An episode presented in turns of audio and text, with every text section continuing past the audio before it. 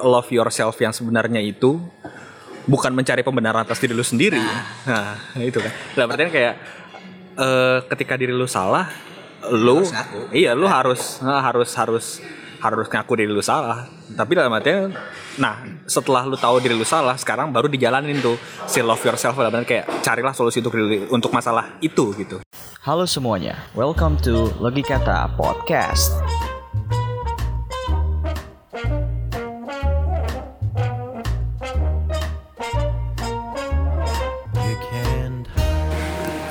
Ya, welcome back to the Logikata Podcast. Kembali lagi bersama gue Muhammad Rifki Ashraf yang akan ngobrol ke depan tentang basic things for everything. Sekarang gue nggak bakal ngobrol sendiri kayak kemarin di episode pertama. Episode kedua ini gue bakalan ditemenin sama salah seorang temen gue, namanya Zaidan Nafil. Halo Zaidan. Halo Ben Ashraf. Ini gue biasanya manggil teman gue Ben karena sebenarnya nama bapaknya Afik Ben ya. Bangsat lu. Cuman eh, apa namanya? Ya karena Ben keren, jadi gue manggil Ben aja. Kalau Ashraf juga kepanjangan dan gak cocok aja punya nama Ashraf gitu. Sialan memang temen gue yang satu ini emang banyak banget bacot nih. Oh, kira-kira kita mau ngobrol apa sih? Eh sebenarnya apa ya? Eh, salah satu gue punya teman sedikit atau suka bukan cuma sedikit sih maksud gue kayak gue agak males join ke pergaulan yang seumuran gitu Ah. karena gue nggak sesabar teman-teman gue yang lain dalam artian kayak eh apa ya kadang gue suka gatel sama sama hal-hal basic yang terjadi di sekitar gue aja sih dalam artian kayak kenapa sih kok suka greget aja gitu lebih lebih lebih lebih kepada kayak kenapa orang nggak mau mikir lebih dalam sedikit untuk mempelajari hal-hal dasar untuk menjalani kehidupan yang lebih baik dari sebelumnya. Dalam artian kayak kadang eh, nggak tahu orang kayaknya sih orang secara umum ya suka apa ya eh misalnya mikirin satu hal nih mikirin satu hal tapi langsung ke hal yang kompleks langsung ke atas. Misalnya dia di tengah tapi dia langsung naik ke atas. Orang tuh kalau misalnya punya masalah itu di breakdown dulu ke bawah apa namanya akarnya udah ketemu segala macem baru nanti hal yang lebih kompleksnya diberesin. Cuman kebanyakan orang lebih ke hal kompleksnya dulu nih belum tampak tampak lihat ke bawahnya dulu. Oke, jadi kita bakalan ngebahas tentang apa sih yang sebenarnya orang-orang pikirkan dan berbeda sama apa yang lu pikirin gitu kan maksudnya? Iya. ya sebenarnya lebih kepada apa ya? Yang gue bilang tadi hal-hal dasar dalam kayak ada step by step yang harus di apa ya yang harus dilakuin sebelum lu memecahkan masalah. Kayak ibaratnya gini loh gue pernah nge-tweet kayak gini apa namanya eh sebenarnya agak kasar sih bodo amat lah ya. Waktu itu gue lagi kesal banget sama suatu hal gue lupa. Even masalahnya pun gue lupa gue nge-tweet kayak go fuck yourself even non technical things are procedural. Itu maksud gue kayak hal-hal non teknis pun itu tetap prosedural tapi dalam artian kayak prosedurnya lu yang nentuin sendiri. Nah kita insya Allah bakal ngebahas itu. Tapi disclaimer dulu ini ini berlaku untuk semua umur. Gue pribadi juga sebenarnya udah nggak peduli sama umur gue yang gue peduli cuman umur biologis gue karena kadang eh, setelah seharusnya ketika orang menjalani hal ini eh, apa namanya tanpa mengenal umur pun dia bisa melakukan apa pun yang dia mau. Contoh kayaknya gini deh dulu gue sering banget satu hal yang sering gue bohong ke orang-orang tuh soal umur. Soalnya kalau misalnya gue bilang umur gue sekian nanti orang-orang nggak percaya ah masa sih umur segini udah begini-begini segala macem? Nah cuman maksud gue kayak itu kayak membatasi hal yang sebenarnya lu udah bisa lebih cepat daripada orang lain sih gitu aja. Oke, bener. Ngomongin masalah lu nih. Oh, mungkin teman-teman yang dengerin masih belum paham nih. Kenapa sih lu ngomongin kayak gitu? Oke, gue jelasin. Jadi Jaidan ini tuh orangnya mungkin beda ya sama kayak gua, mungkin sama teman-teman gue yang lain. Dia itu dari awal tuh emang udah apa ya mencoba untuk membreak barriernya dia. Apa yang ada di hadapannya dia, yang ya, tembok besar di hadapan dia dia, dia mencoba untuk ngebreak itu semua dan ya gue punya punya masa depan dan gue pengen membuat barrier gue sendiri bukan orang lain yang ngebuat barrier gue makanya eh, tadi dia bilang ya gue bodo amat mau berteman dengan siapa pun gue bodo amat untuk eh, mengatakan berapa umur gue yang yang dia yang dia pentingkan adalah umur biologis ya karena hal itu. Karena dia ya bisa dikatakan udah meniti jalan dia sendiri lah dari awal. Jadi apa aja nih yang bakalan kita bahas tentang apa ya bisa dibilang langkah dasar dalam berikhtiar ya? Iya itu. Sebenarnya kalau itu ya tadi di maksud umur biologis ini ya maksudnya apa namanya? Umur kesehatan karena untuk menjaga imunitas itu. Nanti nanti nanti masuk ke masuk ke dalam ininya lah. Nanti kita masuk dulu ke segmen pertama nanti ada dua segmen. Maksudnya ini ini agak step by step juga cuman kalau misalnya pertama kalau misalnya gue ngomong kecepatan maaf emang gue begini. Habis itu kayak apa namanya nanti kalau misalnya yang bakal dijelasin di podcast ini bukan keseluruhan tapi hanya sebagian. Cuman alangkah baiknya yang sebagian ini juga bisa dibagikan karena ini hal basic tapi yang kadang orang apa ya keburu males mikir gitu. Oke. Nah, nah, sekarang kita bahas dulu di segmen satu. Jadi silakan Benny buka segmen satu. Oke. Sialan memang udah ngomong panjang lebar gue baru buka segmen satu. Oke, eh, jadi di segmen pertama ini gue kita bakal ngebahas langkah dasar ya pastinya. Langkah dasar dalam berikhti- berikhtiar karena yang kita lihat kita kemarin sempat ngobrol juga sedikit tentang apa yang bakalan kita bahas. Ternyata banyak banget ada lima lima poin penting yang itu banyak banget terabaikan mungkin sama setiap orang ya. Eh ya per- poin yang pertama itu ada oke. Ntar gue potong dulu. Ini kenapa langkah dasar dalam berikhtiar? kan basic untuk mencapai sesuatu itu pertama niat. Niat setelah niat itu ya lu harus ikhtiar ikhtiar artian berusaha kalau misalnya lu niat doang nggak nggak dieksekusi ya buat apa gitu. Setelah berikhtiar eh kalau kita nyebutnya muslim tawakal ya. Maksud gue tawakal tuh berserah diri aja. Soalnya eh apa namanya yang namanya hasil itu yang di itu kan pasti terjadinya di masa yang akan datang kan. Dan kita juga nggak tahu kapan maksudnya nggak tahu resultnya akan seperti apa. Nah tawakal itu dalam artian kayak kita berpasrah diri aja dan menyerahkan itu semua kepada yang di atas. Dalam artian kayak berikanlah yang terbaik dari dari hasil usaha kami gue kurang setuju kalau misalnya ada istilah kayak apa namanya Ben yang usaha pasti apa Yakin usaha sampai. Maksud lo apa? apa yang usaha pasti tidak membohongi hasil Oh, oh, eh, iya usaha tidak tidak akan membohongi hasil. ya maaf gue lupa karena gue tidak megang kata-kata itu gitu dalam artian kayak nggak ada sebuah kepastian di masa depan kecuali yang udah disebutin dari Al-Quran dan Sunnah gitu mohon maaf nih gue ngomong Al-Quran dan Sunnah bukan berarti gue orang alim ya gitu tapi dalam artian kayak ya step by stepnya gitu niat ikhtiar dan tawakal. Niat itu niat itu kan sebenarnya tujuan umumnya gitu. Oke. nanti Oh. ujung-ujungnya tujuan lo itu tergantung niat lo gitu kan.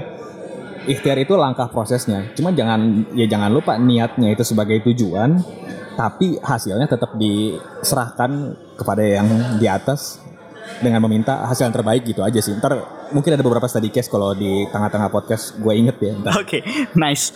Em, tadi kan udah dibilang niat, ikhtiar, baru abis itu taw- niat berserah diri, berikhtiar. Ikhtiar tawakal. Iya niat ikhtiar tawakal gitu lah. Nah, oke. eh, jadi kita ngebahas em, mengenai ikhtiarnya ya. Kalau tawakal kan emang udah nanti kita se- berserah diri aja ke Tuhan gimana kan gitu kan. Langkah prosesnya berikhtiar. Pertama itu mungkin banyak banget dari kita. Gue sendiri pun pernah mengalami hal ini. Gue pernah lalai karena gue punya sesuatu gitu. Sometimes gue ngerasa bahwasanya ah ngapain gue ngelakuin hal ini? Ya gue udah punya hal yang lain yang yang bisa gue lakukan dengan lebih baik dengan apa yang gue punya gitu kan. Jadi poin yang pertama adalah keserbaadaan yang melalaikan. Mungkin lu punya penjelasan nggak tentang hal ini? sebenarnya sebenarnya nggak usah pakai bukan nggak usah pakai penjelasan bingung jelasinnya gimana kan semua orang punya definisi berbeda-beda Ada tentang cerita nggak tentang hal ini? Mungkin biar lebih jelas. Kenapa sih keadaan keserbaadaan yang melalaikan? Emang dengan banyaknya apa namanya? Lu lu lu lu, lu ada, lu punya, lu punya something. Itu emang melalaikan lu. gini gini gini contohnya deh kayak kita lakuin sekarang misalnya ada orang mau buat podcast nih ada orang mau buat podcast terus dia cari alasan nih Allah gua nggak punya mic Allah gua nggak punya apa namanya gua nggak punya alat rekam segala macam recorder segala macam padahal dia punya HP itu kan bisa dipakai ya Iya. Iya nggak sih? Maksud gue kayak even itu ada lu punya alat lu juga pasti akan nunda-nunda hal yang lain. Oke. ini keserba, keserbaadaan yang melahirkan satu itu akan menjawabkan lu menunda-nunda sesuatu yang harus lu lakuin itu satu. Yang kedua mungkin ada satu satu satu study case lah ya. Ada saat ini kayaknya sih study case-nya terkenal dalam artian kayak orang-orang udah tahu ya harusnya sih. Gue juga nggak tahu sebenarnya beda lah ya ada satu perusahaan di Jepang gitu perusahaan sabun gitu terus ada customer yang protes ke dia bukan pokoknya ngajuin yang ngajuin semacam apa sih bahasa lain dari protes Eh ini kritik dan eh kritik ya, kritik Ya, kan. pokoknya pokoknya dia beli sabun, Ah. beli sabun kotak, terus di- ternyata pas kotak dibuka gak ada sabunnya gitu. Akhirnya namanya perusahaan pengen jaga nama baik perusahaan dan akhirnya mendengar keluhan dari konsumennya itu kan. Oh. Akhirnya dibuatlah alat eh, semacam sensor gitu yang jutaan dolar dalam artinya kayak itu untuk hanya mendeteksi sabun yang kosong dan enggak gitu. Oke. Nah itu. Sedangkan ada kom- bukan kompetitor lain, ada perusahaan lain yang, yang memproduksi hal yang sama, tapi karena nggak ada budget, cuman biasanya kan the power of kepepet. Gitu. Jadi Iya. kayak jadi kalau jadi di- kalau perusahaan yang satu mengembangkan alat untuk mendeteksi apa namanya kotak sabun yang kosong, yang satu lagi cuman naro kipas angin di deretan sabun-sabun ketika kan ada biasanya kalau misalnya di pabrik-pabrik kan ada yang relnya gitu. Bukan rel Ah. sih bahasanya apa sih itulah pokoknya. Ah. jalan-jalan itu.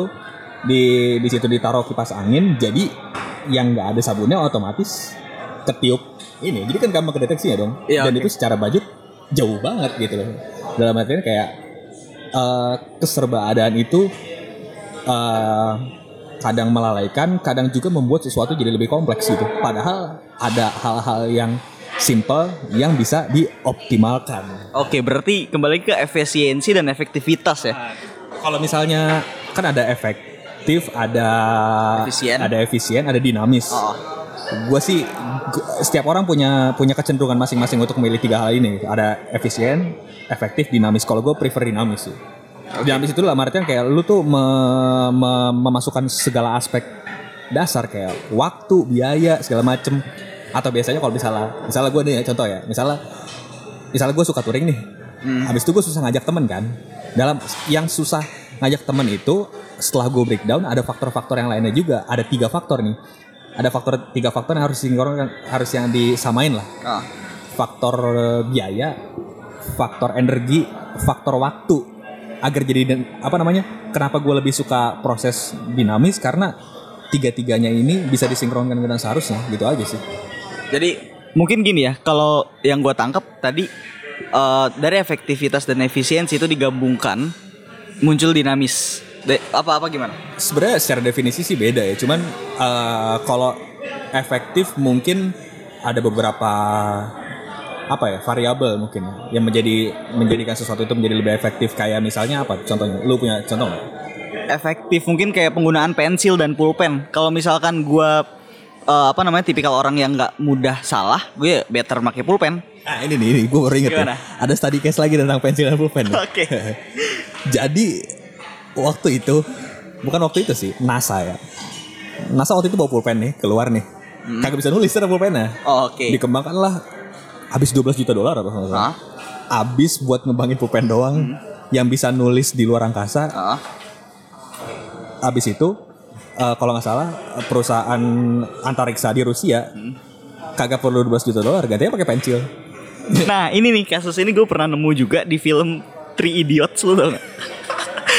alasan si alasan si virus kenapa ken- waktu ditanya kenapa harus pulpen kenapa nggak pakai pensil ternyata grafit itu bahaya kalau misalkan nanti. Oke nggak itu itu case lain ya itu case lain. Mungkin tapi kita dapat belajar bahwasanya ya itu tadi. Ibaratnya kalau misalnya lu pengen pengen menjalankan ini tolong definisi dari tiga kata ini ya dari efisien, efektif dan dinamis itu lu bisa cari sendiri lah definisinya. Cuman eh, yang gue jalankan di kehidupan gue sih gue prefer yang dinamis, tapi bukan berarti dinamis yang terbaik juga. Orang punya pilihan masing-masing dan orang punya apa ya? Ya setiap orang kan beda-beda. ya. preference Punya masing-masing pre- punya preference masing-masing aja sih. Oke, lanjut. Tadi kita udah eh, udah bahas tentang keserbaadaan. And next adalah optimalisasi diri karena hal ini penting banget buat kita. Tadi udah udah efektif, efisien, dinamis, dynamic. Itu sebenarnya buat apa sih fungsinya? Oke, fungsinya adalah untuk optimalisasi diri. Oke. Kenapa kenapa sih orang harus optimalisasi mengoptimalkan diri sendiri gitu? Oke.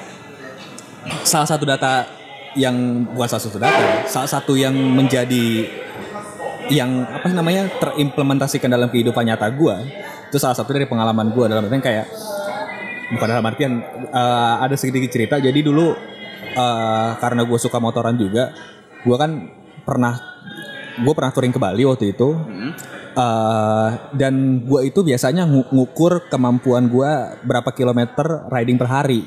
Nah, Oke. oke. Waktu itu pas 2017 itu gue dapet sekitar 700-an kilometer segala macem. Tapi 700-an kilometer itu di hari itu gue masih belum ngap gitu.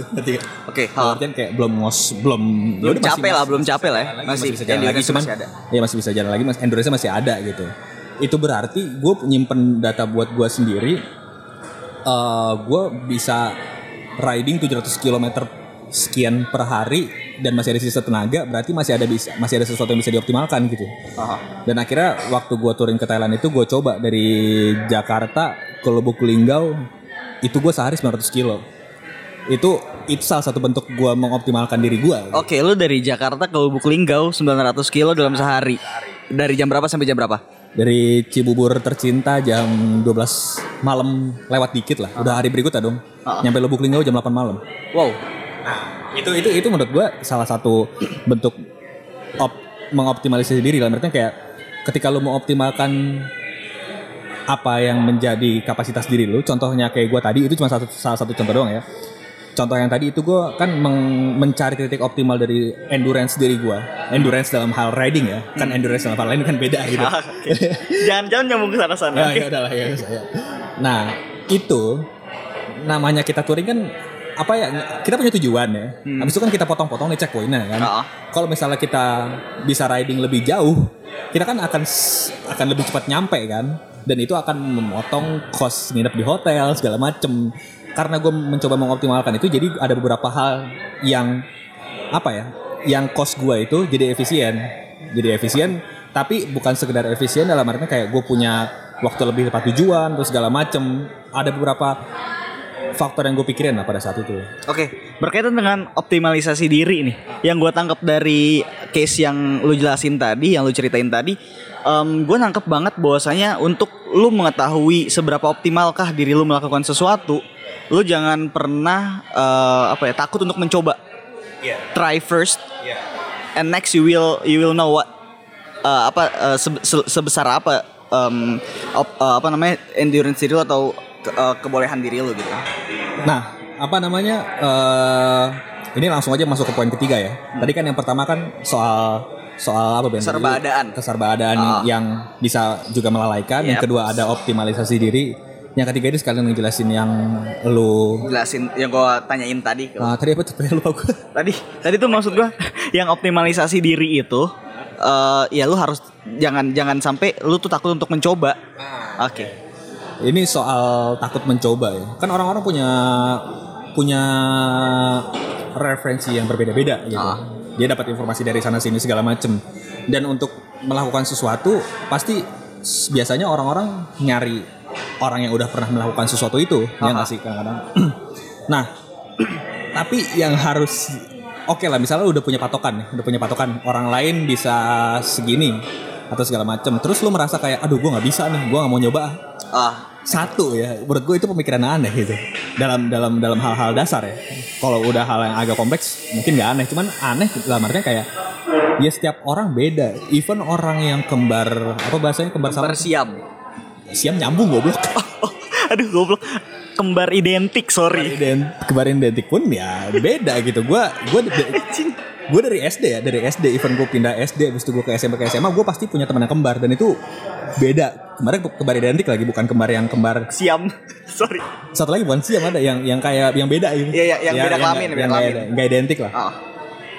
Mereka pun beda.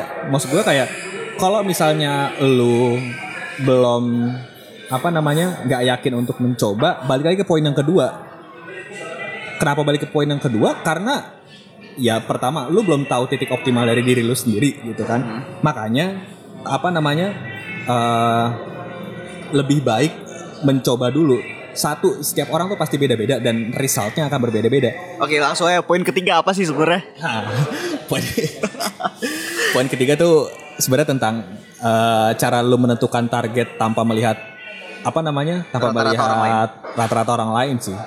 Bisa aja sebenarnya lu tuh bisa lebih daripada bukan lebih daripada orang lain dalam sebuah hal ya.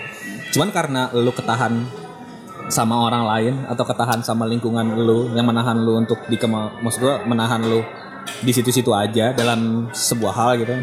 Padahal lu bisa lebih dalam hal itu ya ya ya lu nggak berarti nggak mengoptimalkan diri sendiri gitu di satu sisi lu harus berani untuk break out sih. Kalau di apa ya kalau di bahasa saham break out lah dalam artinya kayak lu harus berani menjebol batas resisten itu. Ah. Pilihannya mungkin paling paling parahnya ya lu keluar dari lingkungan lu yang sekarang gitu. Tapi emang itu yang harus lu lakuin. Dan lingkungan se apa namanya sepengaruh itu sih. Makanya apa namanya gue sebenarnya bergaul sama siapa pun teman-teman gue juga banyak bukan banyak tadi kan gue bilang sedikit ya Iya. banyak di sini dalam artian kayak sedikit untuk yang satu Frekuensi. nggak satu frekuensi satu seumuran seumuran Oh, umuran umuran hitung dari lahir Aha. Nah, kalau misalnya banyak, ya banyak dari segala macam umur dan segala macam profesi gitu. Nah, apa namanya? Kenapa gua enggak apa namanya? Enggak memperbanyak teman yang satu seumuran seumuran secara harfiah gitu. Karena gue ingin mem break out apa namanya? eh, apa tadi bahasanya? Breakout lu dari people average. Iya, maksud gue dari dari dari dari dari hal itu gitu.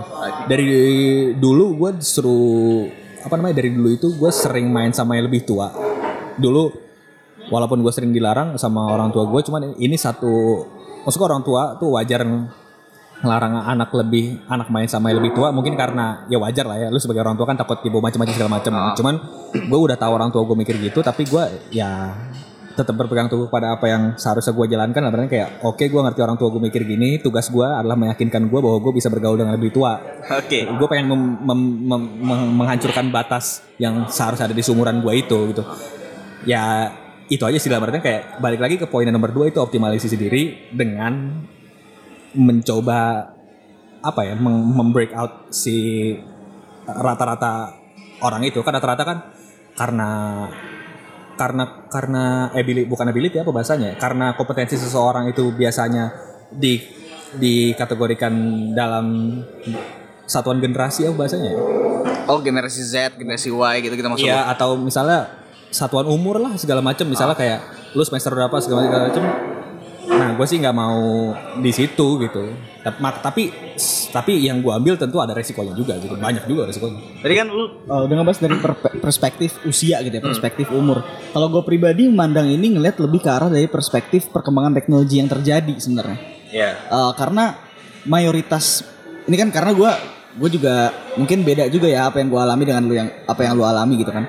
Kalau yang gue alami gue banyak banget ketemu sama teman-teman gue itu ya mereka tuh jadikan apa ya bisa dibilang fanatik buta. Ngerti nggak fanatik buta? Ketika dia punya something role model, seorang role, model, nah dia tuh akan terus ngikutin role model itu. gitu kan? Jadi mengikuti average role model itu Iya. dan itu tuh menahan dia untuk uh, apa namanya berekspresi lebih dalam gitu, berekspresi lebih lebih luas lagi gitu kan. Ya, kalau gue sih ngerasa hal itu.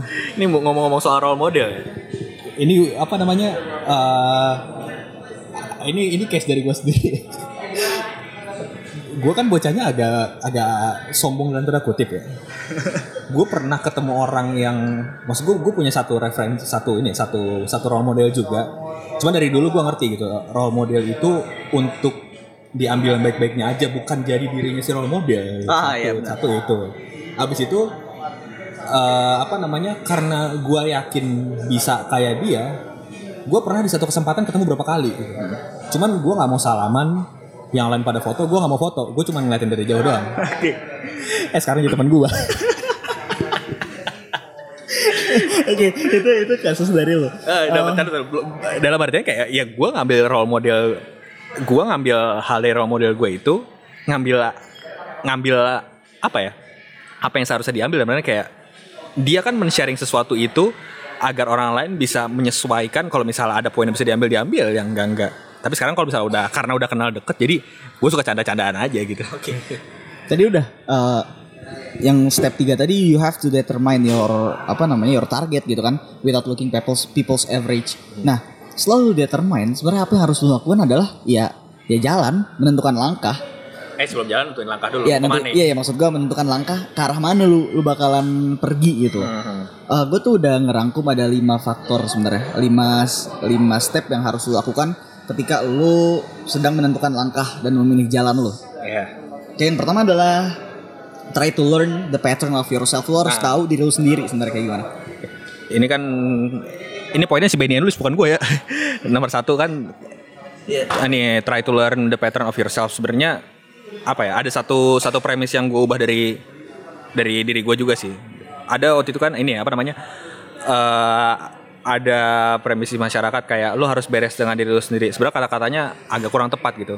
Beres dalam diri sendiri ya lu meninggal harus gitu aja cuman lebih kepada try to learn the pattern of yourself dalam artian kayak kenali diri lu sendiri lah. Gimana cara diri lu bekerja? Entah dari hardware-nya dalam artian kayak jasad lu atau software-nya daripada yang apa lu pikirin gitu. Sama ini gue tuh sering denger sekarang lagi hit banget yang namanya love yourself. Sebenarnya itu bagian dari try to learn yourself sih. apa Love yourself. bagian dari apa Try to learn the pattern of yourself. Ah. Karena kalau lu nggak mencintai diri lu, ya gimana lu mau tahu pattern diri lu?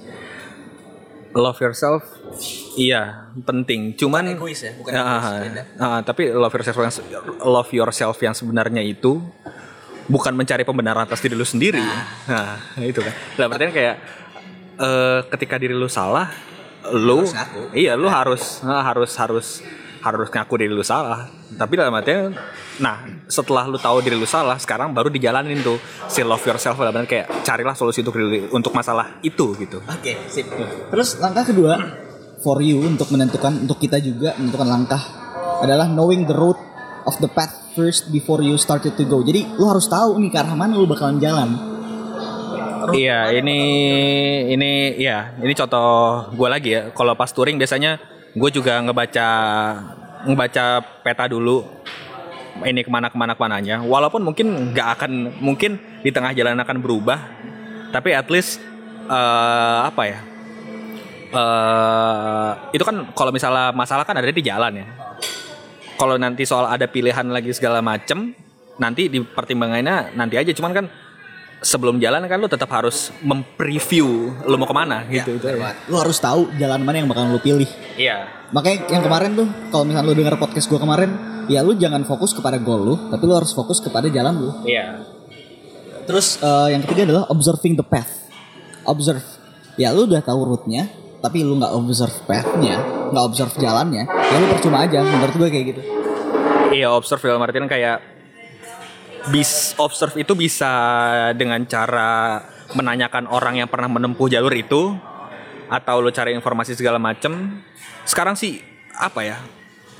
Aneh sih orang kalau misalnya masih menanyakan sesuatu yang semuanya sebenarnya bukan semuanya juga maksud gue kayak aneh aja ketika orang menanyakan suatu hal yang sebenarnya bisa di Google gitu. Maksud gue kayak misalnya gue nanya lu nih Ben, misalnya lu ahli ahli perdukunan misalnya nih. Oh gila lu. itu itu itu gue nanya nih Ben gini-gini segala macem.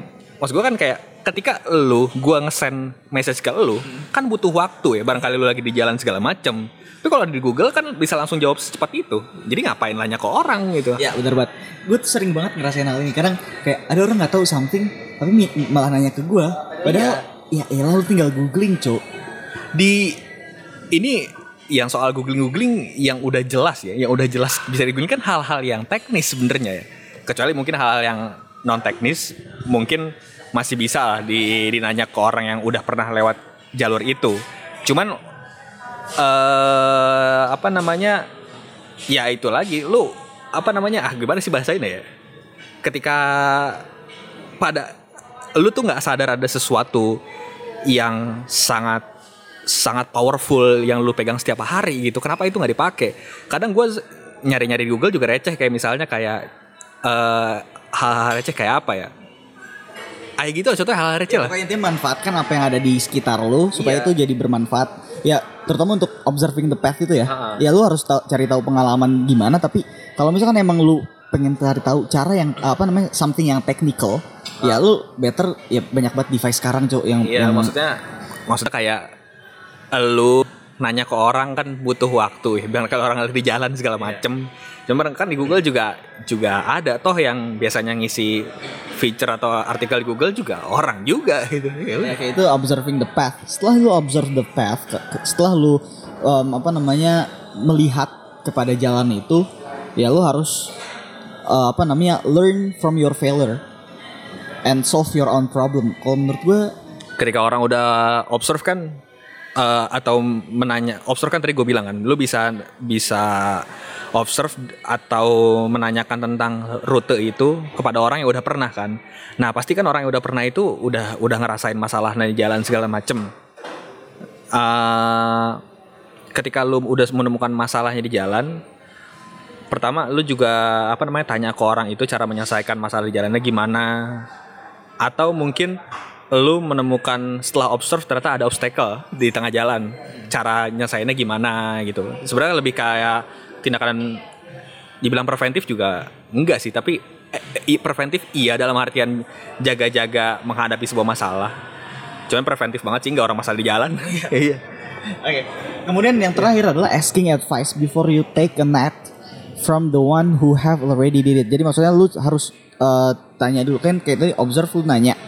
Misalnya nanya secara teknikal atau apa. Nah, sekarang gini asking advice Eh, apa namanya meminta pendapat, meminta saran, meminta nasihat orang-orang senior tentang apa yang bakal lu lakuin.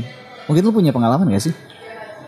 Hmm, ngomongin soal pengalaman ntar aja deh. Enggak, maksud gue ini ini simpel sih, kayak cuman cuman cuman asking advice. Iya, contoh pengalamannya kayak misalnya tadi gue udah udah udah ini ini kan udah langkah kelima ya. Eh, eh kelima lah, kelima lah. Tadi kan di poin satu gue udah kenal diri gue sendiri. Lah mereka kayak gue udah udah tahu udah udah tahu nih. Ini contoh-contoh gue touring aja lah ya, biar gampang lah ya. Ini kan hal yang kelima kan minta minta nasihat kepada orang yang udah pernah merasakan rute itu ya. eh kita balikin lagi ke yang nomor satu. Pertama, ketika lu udah kenal diri sendiri, oke udah udah udah udah udah udah apa namanya? Udah udah ke checklist lah. Itu yang nomor satu. Tadi yang try to learn the pattern of yourself. Yang kedua, setelah tahu rute dicatat, observing the path, eh, kira-kira obstacle ap- apa? Observing the path kayak menelusuri rute lu, terus kalau ada obstacle atau ada masalah, lu coba apa ya buat buat prosedur untuk pencegahan sama yang kelima minta nasihat sama udah pernah ya gue juga nanya ke orang-orang yang udah pernah ngelewatin rute yang pengen gue lewatin dia juga ngasih nasihat dalam eh, nasihatnya lebih ke nasihat diri sendiri sih. Maksud gue kayak mis buat diri diri sendiri karena kondisi dia lewat sama kondisi yang bakal gue lewat walaupun jalannya sama pasti akan beda gitu doang sih. Ya dalam artinya kayak eh, dia cuma bisa ngasih opsi doang Mungkin kayak ibaratnya apa ya? Dia udah punya pengalaman, lu pengen dapat eh, ilmu dari pengalamannya dia. Ya, dan nanti kalau misalnya ada masalah yang masalah di jalan, ya tinggal apa ya, menyesuaikan aja sih. Karena karena yang udah pernah ngelewatin rute yang sama ya, apalagi rute-rute apalagi kalau soal menjalankan apa pun yang ada di hidup ini kayak pasti akan beda di beda beda beda yang akan terjadi akan beda gitu pasti makanya lebih baik ngasih opsi daripada ngasih jawaban gitu Oh ya by the way, tadi kan kita banyak banget ngasih contoh tentang motor ya. Maksud gua, jadi eh, kelima faktor tadi, keli, uh, how to choose the path of that suits your capacity itu sebenarnya lima faktor tadi nggak cuman suitable untuk ya lu touring atau gimana segala. Sebenarnya itu bisa kita apa namanya? Bisa kita ibaratkan ke hal-hal dunia. Divisualisasikan Ya, aja. aja. Nah, itu itu cuman itu karena pengalaman nyata ya. Maksud gue yang udah kejadian sama biar gampang divisualisasiin aja. Contoh gampangnya lah ya. Ah, contoh gampangnya tapi setelah divisualisasiin itu lo harus ngambil intisarinya. Kalau nggak diambil percuma. Oke, kemudian the last langkah dasar dalam ikhtiar adalah starting point. You have to start. iya, ya ikhtiar kalau nggak boleh bukan ikhtiar aja. ya sebenarnya kayak lo kan udah niat nih, sudah jalanin langkah-langkah yang tadi tinggal mulai gitu. Emang kadang apa ya? Gue pernah nulis pas gue kelas 7 inget banget posan posan pertama IG gue gitu gue nulis di batu alay banget. All start is difficult dan kayak tapi bener sampai sampai sekarang kepake. Gue tahu permulaan itu susah dan kadang-kadang mulai itu kadang mager banget. Cuman emang sebenarnya rintangan ke depannya lebih susah. Cuman kalau misalnya udah mulai itu sebenarnya lebih enak sih. Dalam arti kayak ya udah lu udah terjun, lu udah udah nyemplung ke jurang yang lu mau. Karena mungkin gini, kita butuh pembiasaan sih. Yang namanya manusia kita butuh pembiasaan dan starting point itu adalah tahap di mana kita untuk membiasakan. Iya, first step untuk adaptasi di rute yang lu pengen jalanin. Oke. Mungkin cukup nanti sampai jumpa di segmen kedua. Bye.